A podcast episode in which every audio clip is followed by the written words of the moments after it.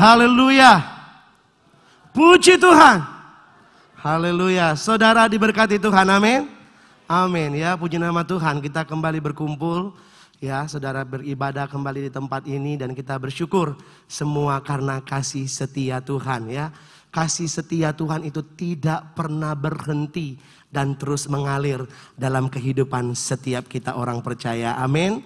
Puji Tuhan. Nah, hari ini firman Tuhan saudaraku saya memberi judul kembalikan ke dalam hati. Yuk sama-sama baca judulnya satu, dua, tiga. Kembalikan ke dalam hati. Nah apa ini yang kita kembalikan ke dalam hati kita? Apa ini yang kita masukkan ke dalam hati kita? Kita baca dulu dalam ratapan pasal 3. Nah minggu kemarin di doa pagi kita membahas ratapan ini saudaraku. Dan saya diberkati ada beberapa ayat dan itu yang akan saya bawa pagi hari ini buat kita semua. Haleluya. Ratapan pasal 3 ayat yang ke-20 dan 21. Saudara yang buka Alkitab silakan atau menyimak di LED yang sudah dipersiapkan. Ratapan 3 ayat 20. Jiwaku selalu teringat akan hal itu dan tertekan dalam dalam diriku. Ya jiwaku selalu teringat.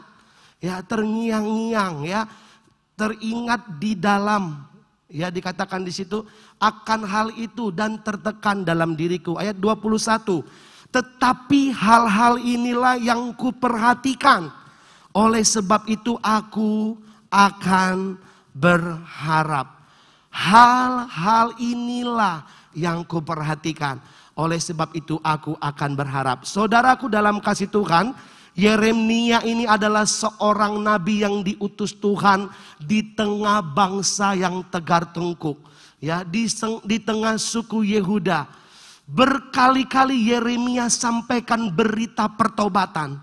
Berita tentang keselamatan supaya bangsa bahkan pemerintahan pada waktu itu raja-raja yang akan yang terakhir saudaraku mereka kembali bertobat melakukan setiap kehendak dan maunya Tuhan.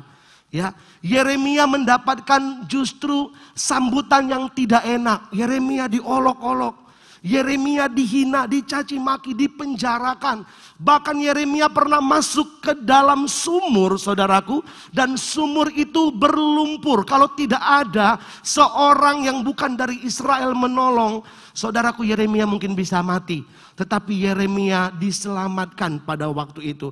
Bahkan Yeremia, saudaraku, mengalami banyak ancaman untuk dibunuh. Dan lebih dalam lagi penderitaan yang Yeremia alami.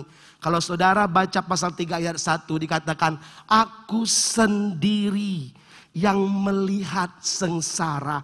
Aku sendiri yang mengalaminya. Aku sendiri yang tahu. Aku sendiri yang merasakan apa yang terjadi dalam diriku. Apa yang terjadi bagi bangsaku. Dan inilah Yeremia rasakan dan alami. Bahkan sampai ketika Yerusalem dihancurkan, dibinasakan. Ada orang-orang perempuan diperkosa, ada anak-anak dibunuh, kelaparan, bahkan ada mereka ditawan ke Babel. Dan penderitaan itu begitu lama, 70 tahun. Nah tetapi di pasal 3 yang akan kita bahas ini saudaraku, ya pasal yang begitu indah ini, ya kita akan membahas tentang bagaimana memproses setiap berbagai pengalaman pahit, memproses setiap kejadian-kejadian yang sukar untuk kita tidak tertekan, untuk kita tidak depresi, ya. Depresi itu adalah tingkat yang paling tinggi ya kejiwaan yang dialami seseorang.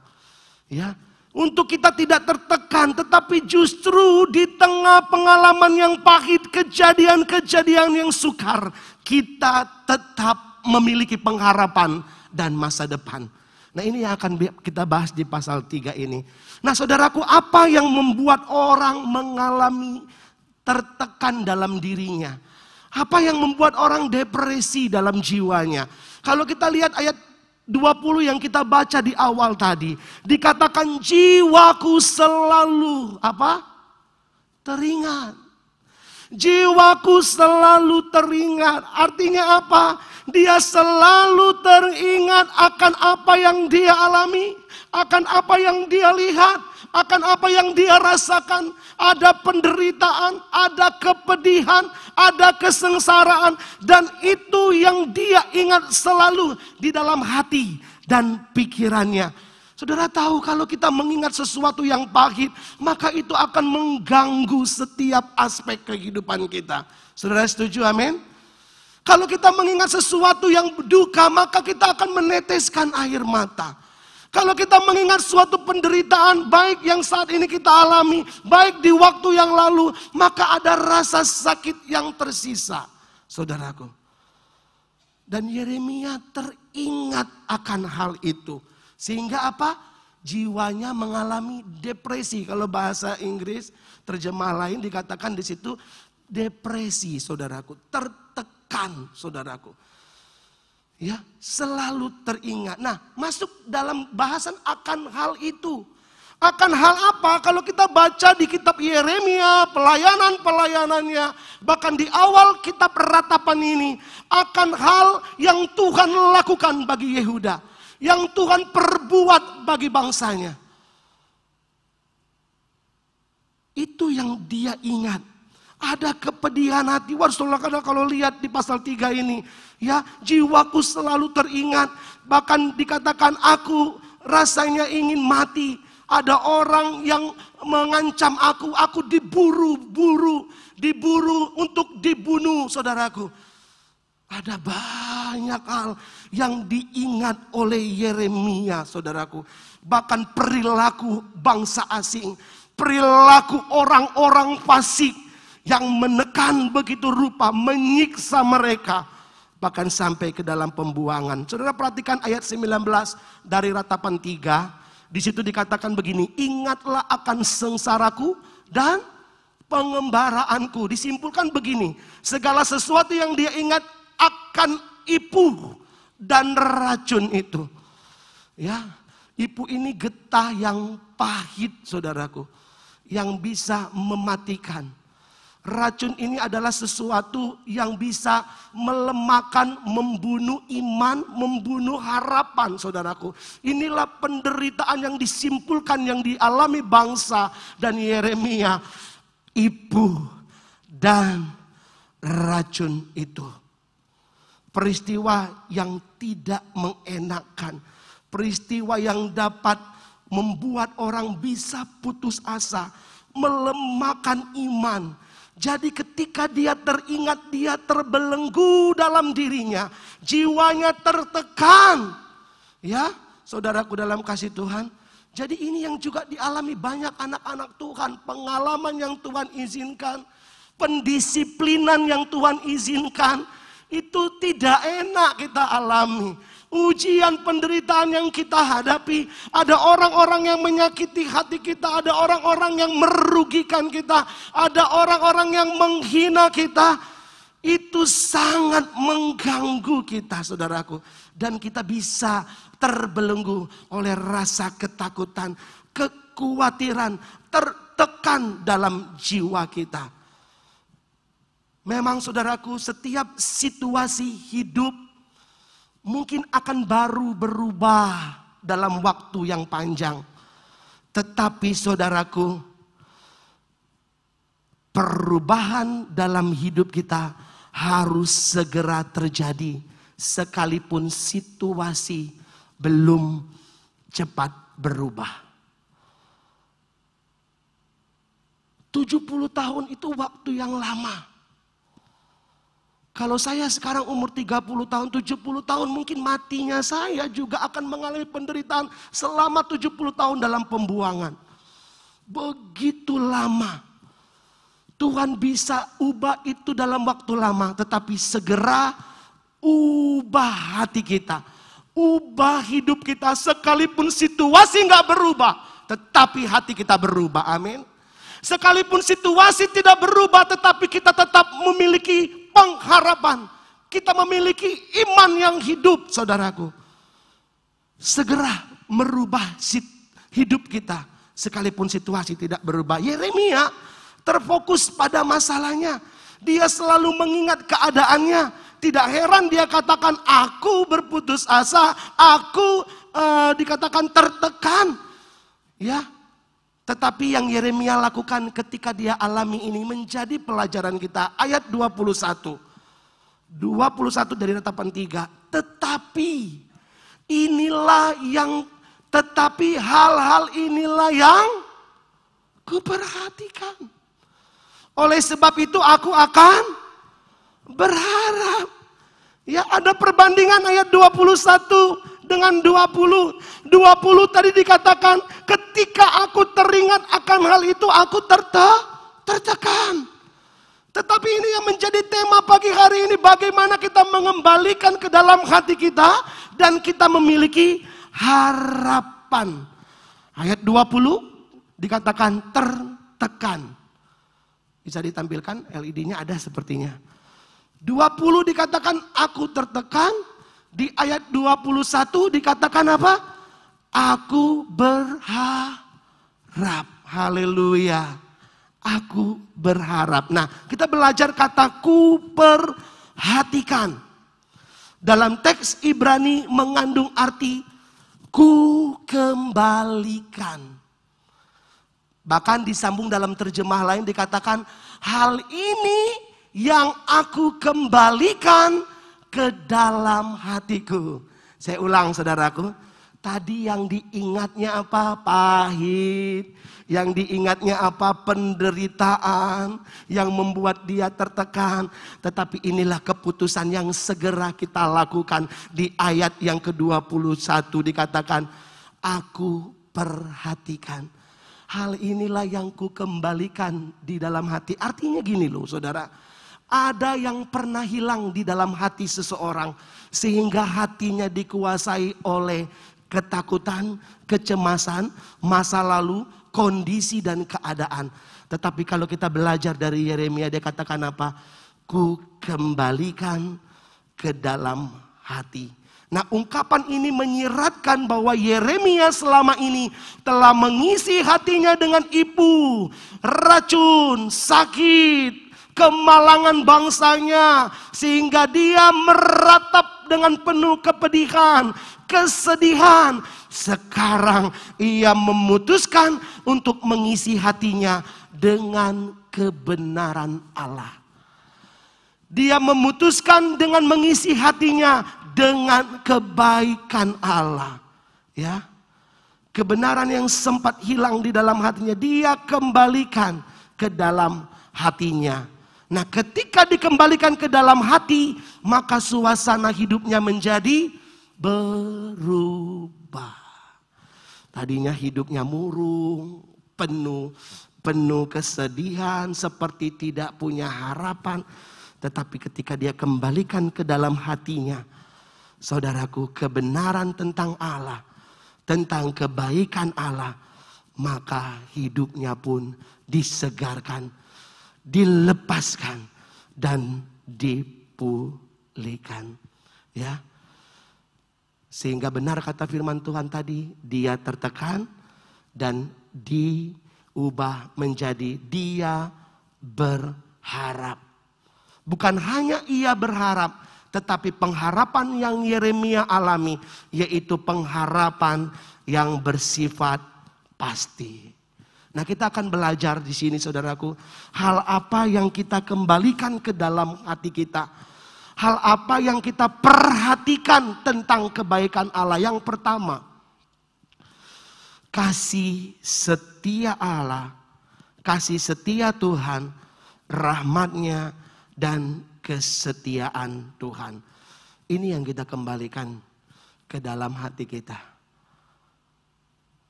Tentang kebenaran bahwa kasih setia Tuhan. Rahmatnya Tuhan. Bahkan kesetiaan Tuhan masih ada sampai hari ini. Amin. Dikatakan di ayat yang ke-22 dan 23. Tak, baca sama-sama ya. Satu, dua, tiga Tak berkesudahan kasih setia, tak habis-habisnya rahmatnya, selalu baru tiap pagi, besar kesetiaanmu. Perhatikan kata kasih setia ada tiga tadi ya. Kasih setia, rahmat, dan kesetiaan. Ya, walaupun aspeknya ditekankan berbeda-beda. Tetapi ketiga hal ini saudaraku menunjukkan tentang kebaikan Allah. Haleluya. Tentang kebaikan Allah, kasih setia, dalam bahasa Ibrani Hesed yang berarti kesetiaan Allah akan setiap janji-janjinya, kesetiaan Allah akan setiap perjanjiannya. Kalau dia pernah berjanji kepada Abraham, Ishak dan Yakub, maka dia mau nyatakan kepada umatnya bahwa dia tetap setia kepada janjinya. Bahkan rahmatnya di sini, yaitu kebaikan Allah yang melihat umatnya. Melihat kita orang berdosa. Melihat kita yang menderita. Dia berbelas kasihan kepada kita. Bahkan dikatakan kesetiaan Tuhan. Ini berbicara tentang pribadi Allah yang pasti dan teguh dalam melakukan segala sesuatu.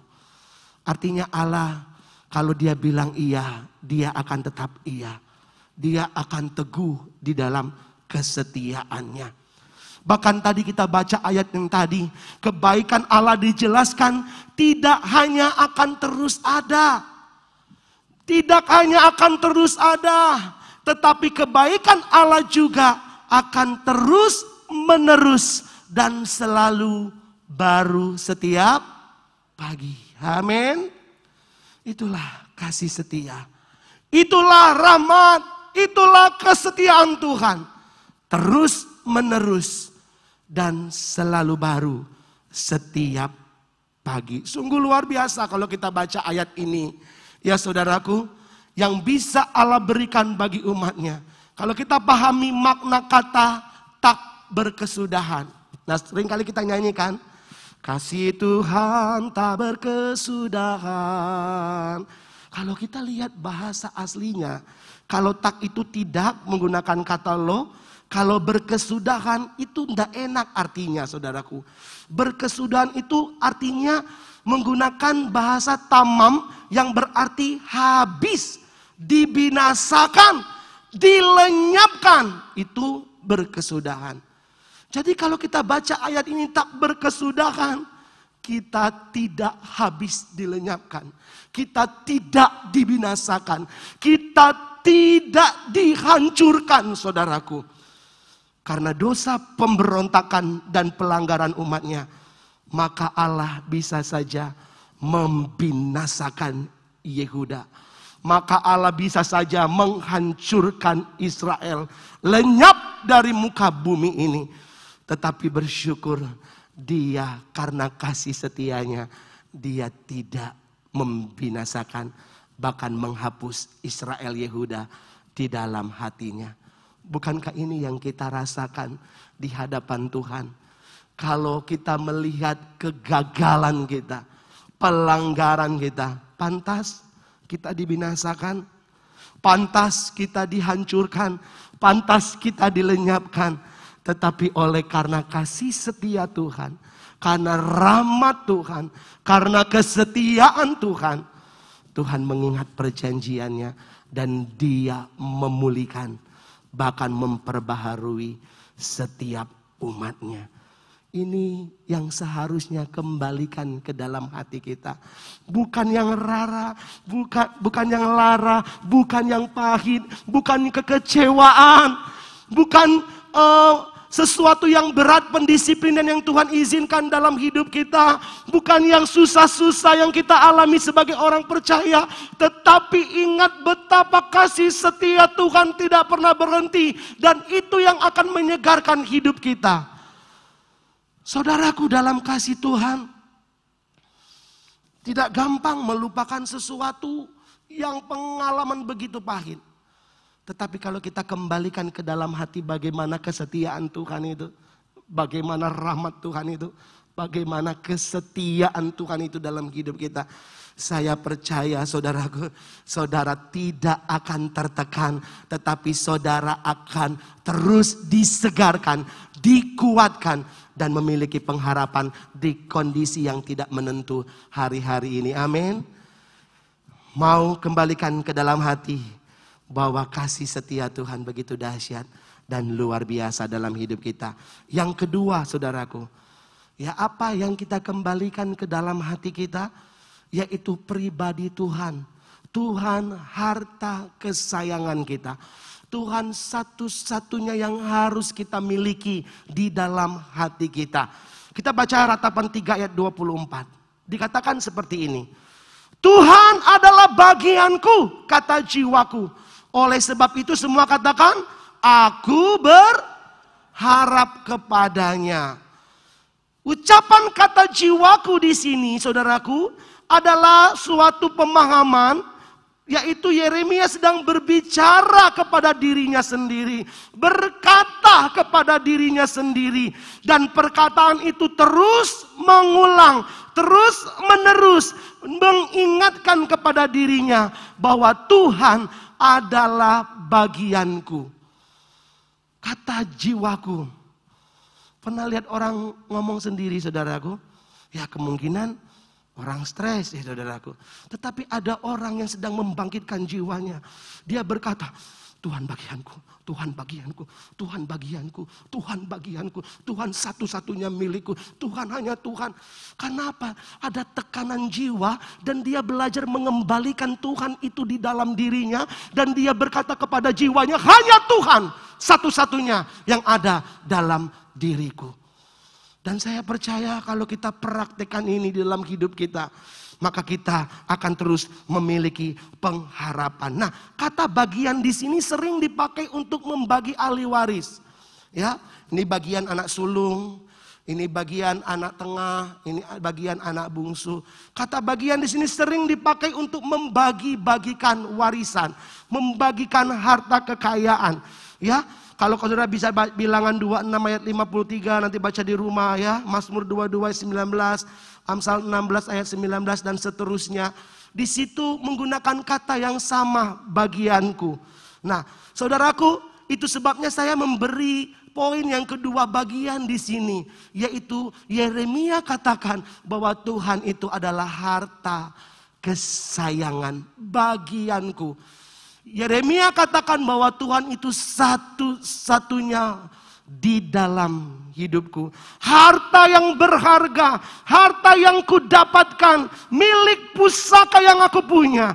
Hanya Tuhan Yesus Kristus. Amin. Pada saat Yeremia mengatakan bahwa Tuhan adalah hartanya, bahwa Tuhan adalah bagiannya, saudaraku, Yeremia sedang tidak membedakan Yeremia sedang tidak membedakan mana Tuhan, mana berkat-berkatnya. Tetapi Yeremia lebih saudaraku mengatakan bahwa hanya Tuhan adalah bagiannya karena dia tahu berkat-berkatnya bisa saja lenyap, bisa saja habis. Saudara perhatikan, ketika Babel memasuki kota Yerusalem, Babel menyerang bangsa Yehuda. Hanya tersisa apa? Dikatakan di ratapan puing-puing saja. Kekayaan kita bisa habis, saudaraku. Yang kita miliki kita akan tinggalkan, saudara. Ya. Harta kita juga bisa berkurang, bisa juga bertambah, saudaraku. Bahkan Yeremia pernah alami sendiri di mana tanah milik pusakanya habis lenyap. Di mana bait Allah yang menjadi kebanggaan bangsanya dihancurkan. Ada banyak kekayaan, ada banyak harta, ada banyak emas. Ya, dalam perbendaharaan rumah Allah, dalam perbendaharaan kerajaan, dalam perbendaharaan setiap keluarga lepas keluarga dikatakan habis lenyap. Jadi ketika Yeremia katakan, Tuhan bagianku, di sini saudaraku, bukan berarti Yeremia tidak pernah mengalami apa-apa. Dia mengalami namanya kehilangan. Dia mengalami banyak namanya kerugian. Tetapi kalau dia teringat akan apa yang hilang, teringat akan apa yang rugi, maka itu akan menekan jiwanya. Tetapi ini yang dikembalikan ke dalam hatinya. Tuhan adalah hartaku. Sekalipun bait Allah dihancurkan, tanah milik pusaka di dijara dihabiskan oleh bangsa Babel. Jangan sampai Tuhan hilang di dalam diri kita. Amin. Pegang Tuhan. Terus mempercayai Tuhan dalam hidup kita. Bagaimana sih kalau kita merawat barang pusaka, barang yang berharga, kita akan betul-betul jaga. Kita akan betul-betul pelihara. Begitu juga dengan pribadi Tuhan yang kita miliki. Ya, harta kesayangan itu biarlah itu yang terus ada dalam hidup kita. Apa artinya kekayaan dunia tanpa kita memiliki Tuhan? Kekayaan bisa kita tinggalkan, semua bisa habis. Tetapi Tuhan dikatakan apa? Dia setia, tidak pernah meninggalkan kita. Ya, hidup memang kadang sukar, namun kasih sayang Tuhan tidak pernah berubah dalam hidup kita. Karena itu jangan pernah kehilangan harta kesayangan, yaitu pribadi Yesus. Supaya apa? Supaya hidup kita tetap kuat. Supaya kita tetap memiliki iman dan pengharapan. Amin. Kondisi belum tentu bisa membaik, tetapi Yesus dalam hidup kita akan memampukan dan menguatkan kita di tengah kondisi yang tidak baik sekalipun. Ya, Mazmur pasal yang ke-73 ayat 25 sampai 26. Ya, Mazmur Asaf dia katakan seperti ini. Siapa gerangan ada padaku di sorga selain engkau? Selain engkau tidak ada yang kuingini di bumi. Sekalipun dagingku dan hatiku habis lenyap. Gunung batuku dan bagianku tetap siapa? Tetaplah Allah selama-lamanya. Betul atau betul? Haleluya. Sekalipun dagingku dan hatiku habis lenyap gunung batuku dan bagianku. Semua katakan, tetaplah Allah selama-lamanya. Amin. Inilah harta kesayangan yang saudara tidak boleh lepas. Saudara harus pegang itu. Sekalipun kekayaan bisa habis. Sekalipun tubuh kita merosot kekuatannya. Sekalipun sakit tidak disembuhkan. Sekalipun kita mengalami penderitaan. Bagaimana katakan? Sekali Yesus, tetap Yesus. Harta yang tidak bisa hilang. Dan terus ada. Yang terakhir. Apa yang harus kita kembalikan ke dalam hati kita? Yaitu perkataan bahwa Tuhan itu baik. Selalu berkata, Tuhan baik. Ratapan 3 ayat 25 dan 26. Dikatakan demikian. Tuhan adalah baik bagi orang yang berharap kepadanya. Bagi jiwa yang mencari dia. 26. Adalah baik menanti dengan diam pertolongan Tuhan. Kalau kita baca saudaraku dari awal kitab ratapan ini yang ada hanyalah penderitaan. Dikatakan Yerusalem menjadi kota yang sunyi sepi. Yerusalem dikatakan seperti seorang janda yang ditinggalkan suami. Putri-putri Sion hancur hilang dan sebagainya. Saudaraku kalau kita baca dari awal. Yang ada adalah pahit. Yang ada adalah penderitaan. Kesengsaraan mendominasi dalam kitab ratapan ini sehingga yang ada tangisan, kesedihan, yang ada adalah ratapan. Padahal kita melihat Israel adalah umat yang disayang Tuhan. Umat pilihan Tuhan. Seharusnya dalam kondisi yang seperti ini. Yang diingat, yang dikatakan apa? Keluhan. Yang diingat adalah penderitaan. Yang diperkatakan adalah apa? Ah, Sudahlah, capek, susah, dan sebagainya. Bahkan ada perkataan yang menyalahkan Tuhan. Tetapi saudaraku, dari seluruh penderitaan yang ditulis dalam kitab ratapan ini, ada satu kata yang sangat menyegarkan jiwa kita. Dikatakan apa? Tuhan baik. Jangan berkata, mana kebaikan Tuhan? Kalau kita melihat saudaraku, di dalam proses yang Tuhan izinkan ada banyak kebaikan Tuhan yang perlu kita ingat, yang perlu kita ucapkan, yang perlu melekat di dalam hati kita. Saudaraku,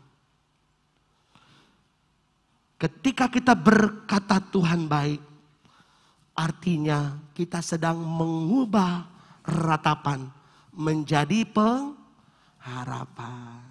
Katakan Tuhan baik. Yes, Tuhan baik dalam hidup kita. Kita sedang mengubah ratapan, mengubah penderitaan, mengubah tekanan, mengubah depresi kita.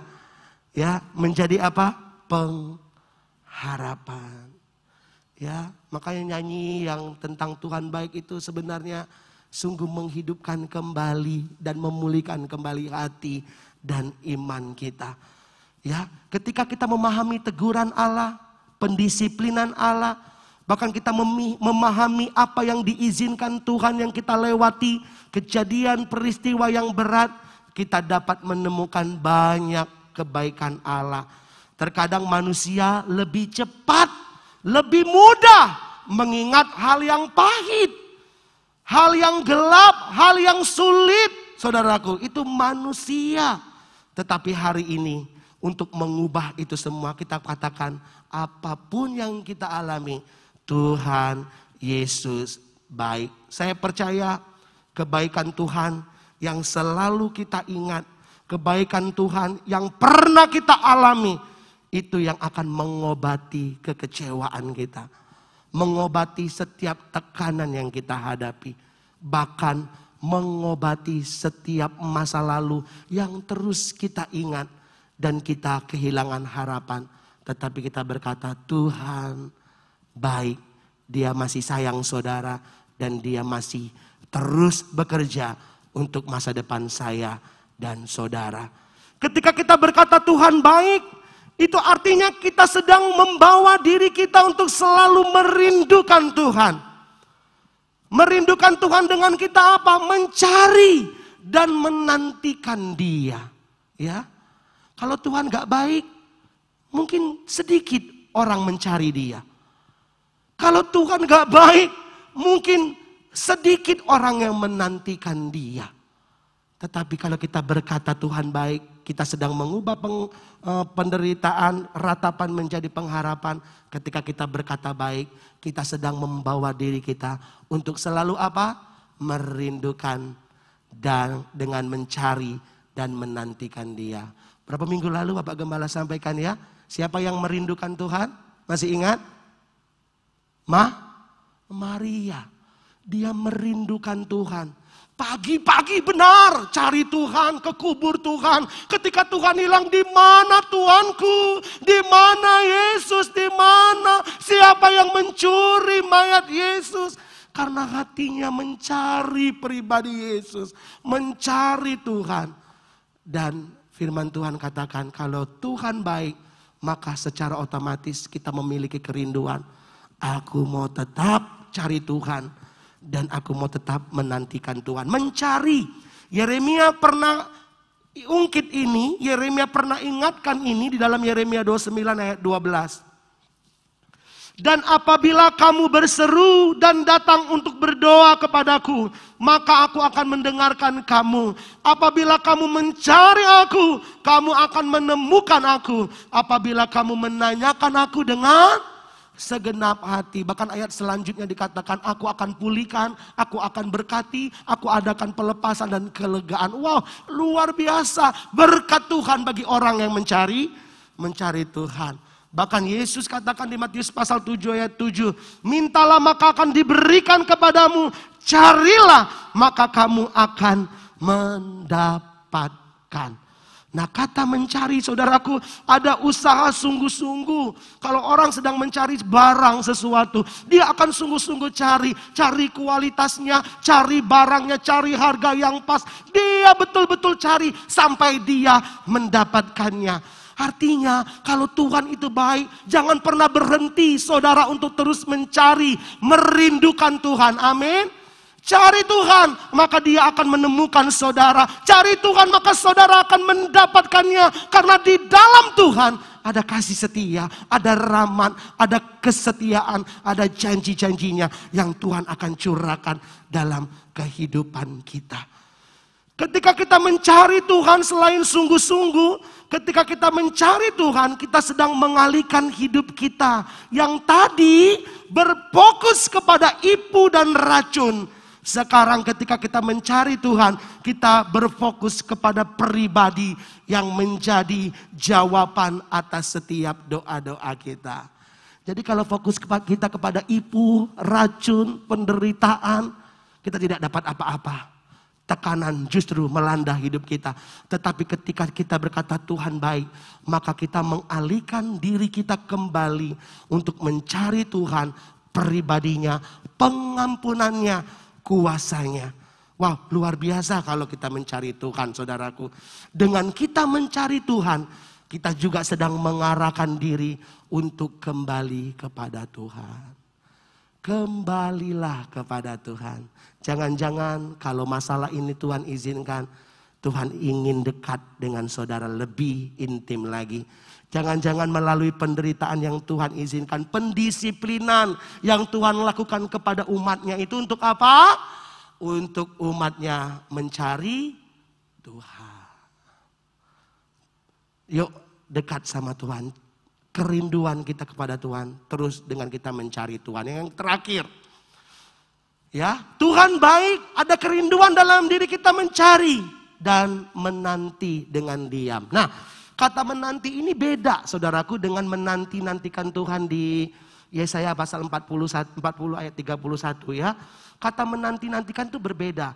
Tetapi kata menanti dengan diam di sini, saudaraku, lebih kepada introspeksi diri. Nah, dengan diam kita bisa fokus mengambil momen perenungan, introspeksi ke dalam diri kita, mencari tahu kalau-kalau ada yang masih belum kita bereskan. Ya, orang yang rindu dipulihkan begini. Dia menanti dengan diam. Ada evaluasi diri, apa yang salah, apa yang masih kurang, apakah saya mengecewakan Tuhan. Menanti dengan diam juga. Di sini bisa juga saudaraku mengandung arti lanjut mencegah kita melakukan kesalahan-kesalahan yang hanya akan menambah masalah. Jadi penting sekali menanti dengan diam supaya ke depannya kita tidak terulang lagi kesalahannya. Supaya umat Israel ya jangan mengulang lagi perbuatannya. Inilah menanti dengan diam, mencegah kita untuk melakukan kesalahan-kesalahan yang sama atau kesalahan-kesalahan yang baru.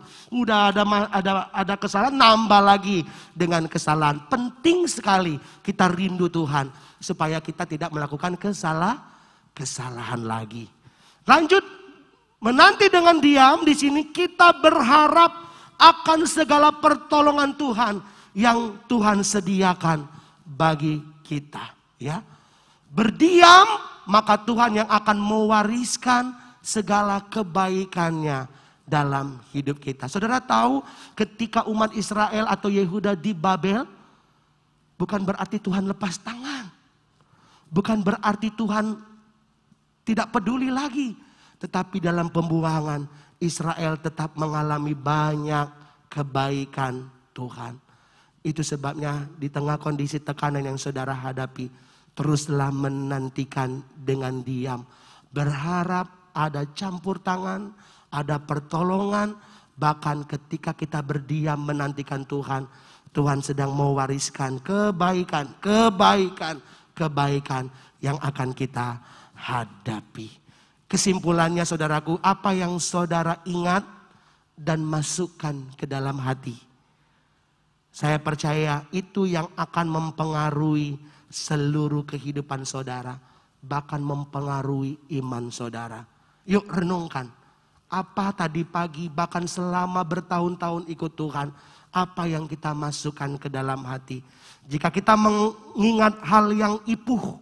Yang racun maka hidup kita akan ada dalam tekanan. Tetapi hari ini kita belajar, sekalipun Tuhan izinkan kita dalam pengalaman yang pahit dan sulit, sekalipun Tuhan sedang mendisiplinkan kita dengan teguran cambukannya, yang sangat berat dan sukar kita jalani. Sekalipun situasi yang kita hadapi begitu lama berubahnya. Seperti bangsa Israel 70 tahun. Tetapi ini yang kita lakukan. Kita kembalikan ke dalam hati kita. Bahwa masih ada kasih setia Tuhan. Kita kembalikan bahwa Tuhan itulah satu-satunya kesayangan kita. Dan kita terus katakan dalam diri kita bahwa Tuhan itulah harta yang berharga dalam diri kita. Maka kita akan mengalami pemulihan, ketenangan, dan kesegaran jiwa. Tuhan kiranya menolong dan memberkati kita. Ada satu lagu dikatakan, kau tunjukkan kasih setiamu. Saudara kalau Tuhan sudah tunjukkan kasih setia, dikatakan apa? Dari turun temurun, dari generasi ke generasi. Bahkan sampai hari ini. Kita ini adalah keturunan rohani dari Bapak kita, Bapak Abraham. Dan janji yang disampaikan kepada Abraham, itu kita dapat nikmati pagi hari ini.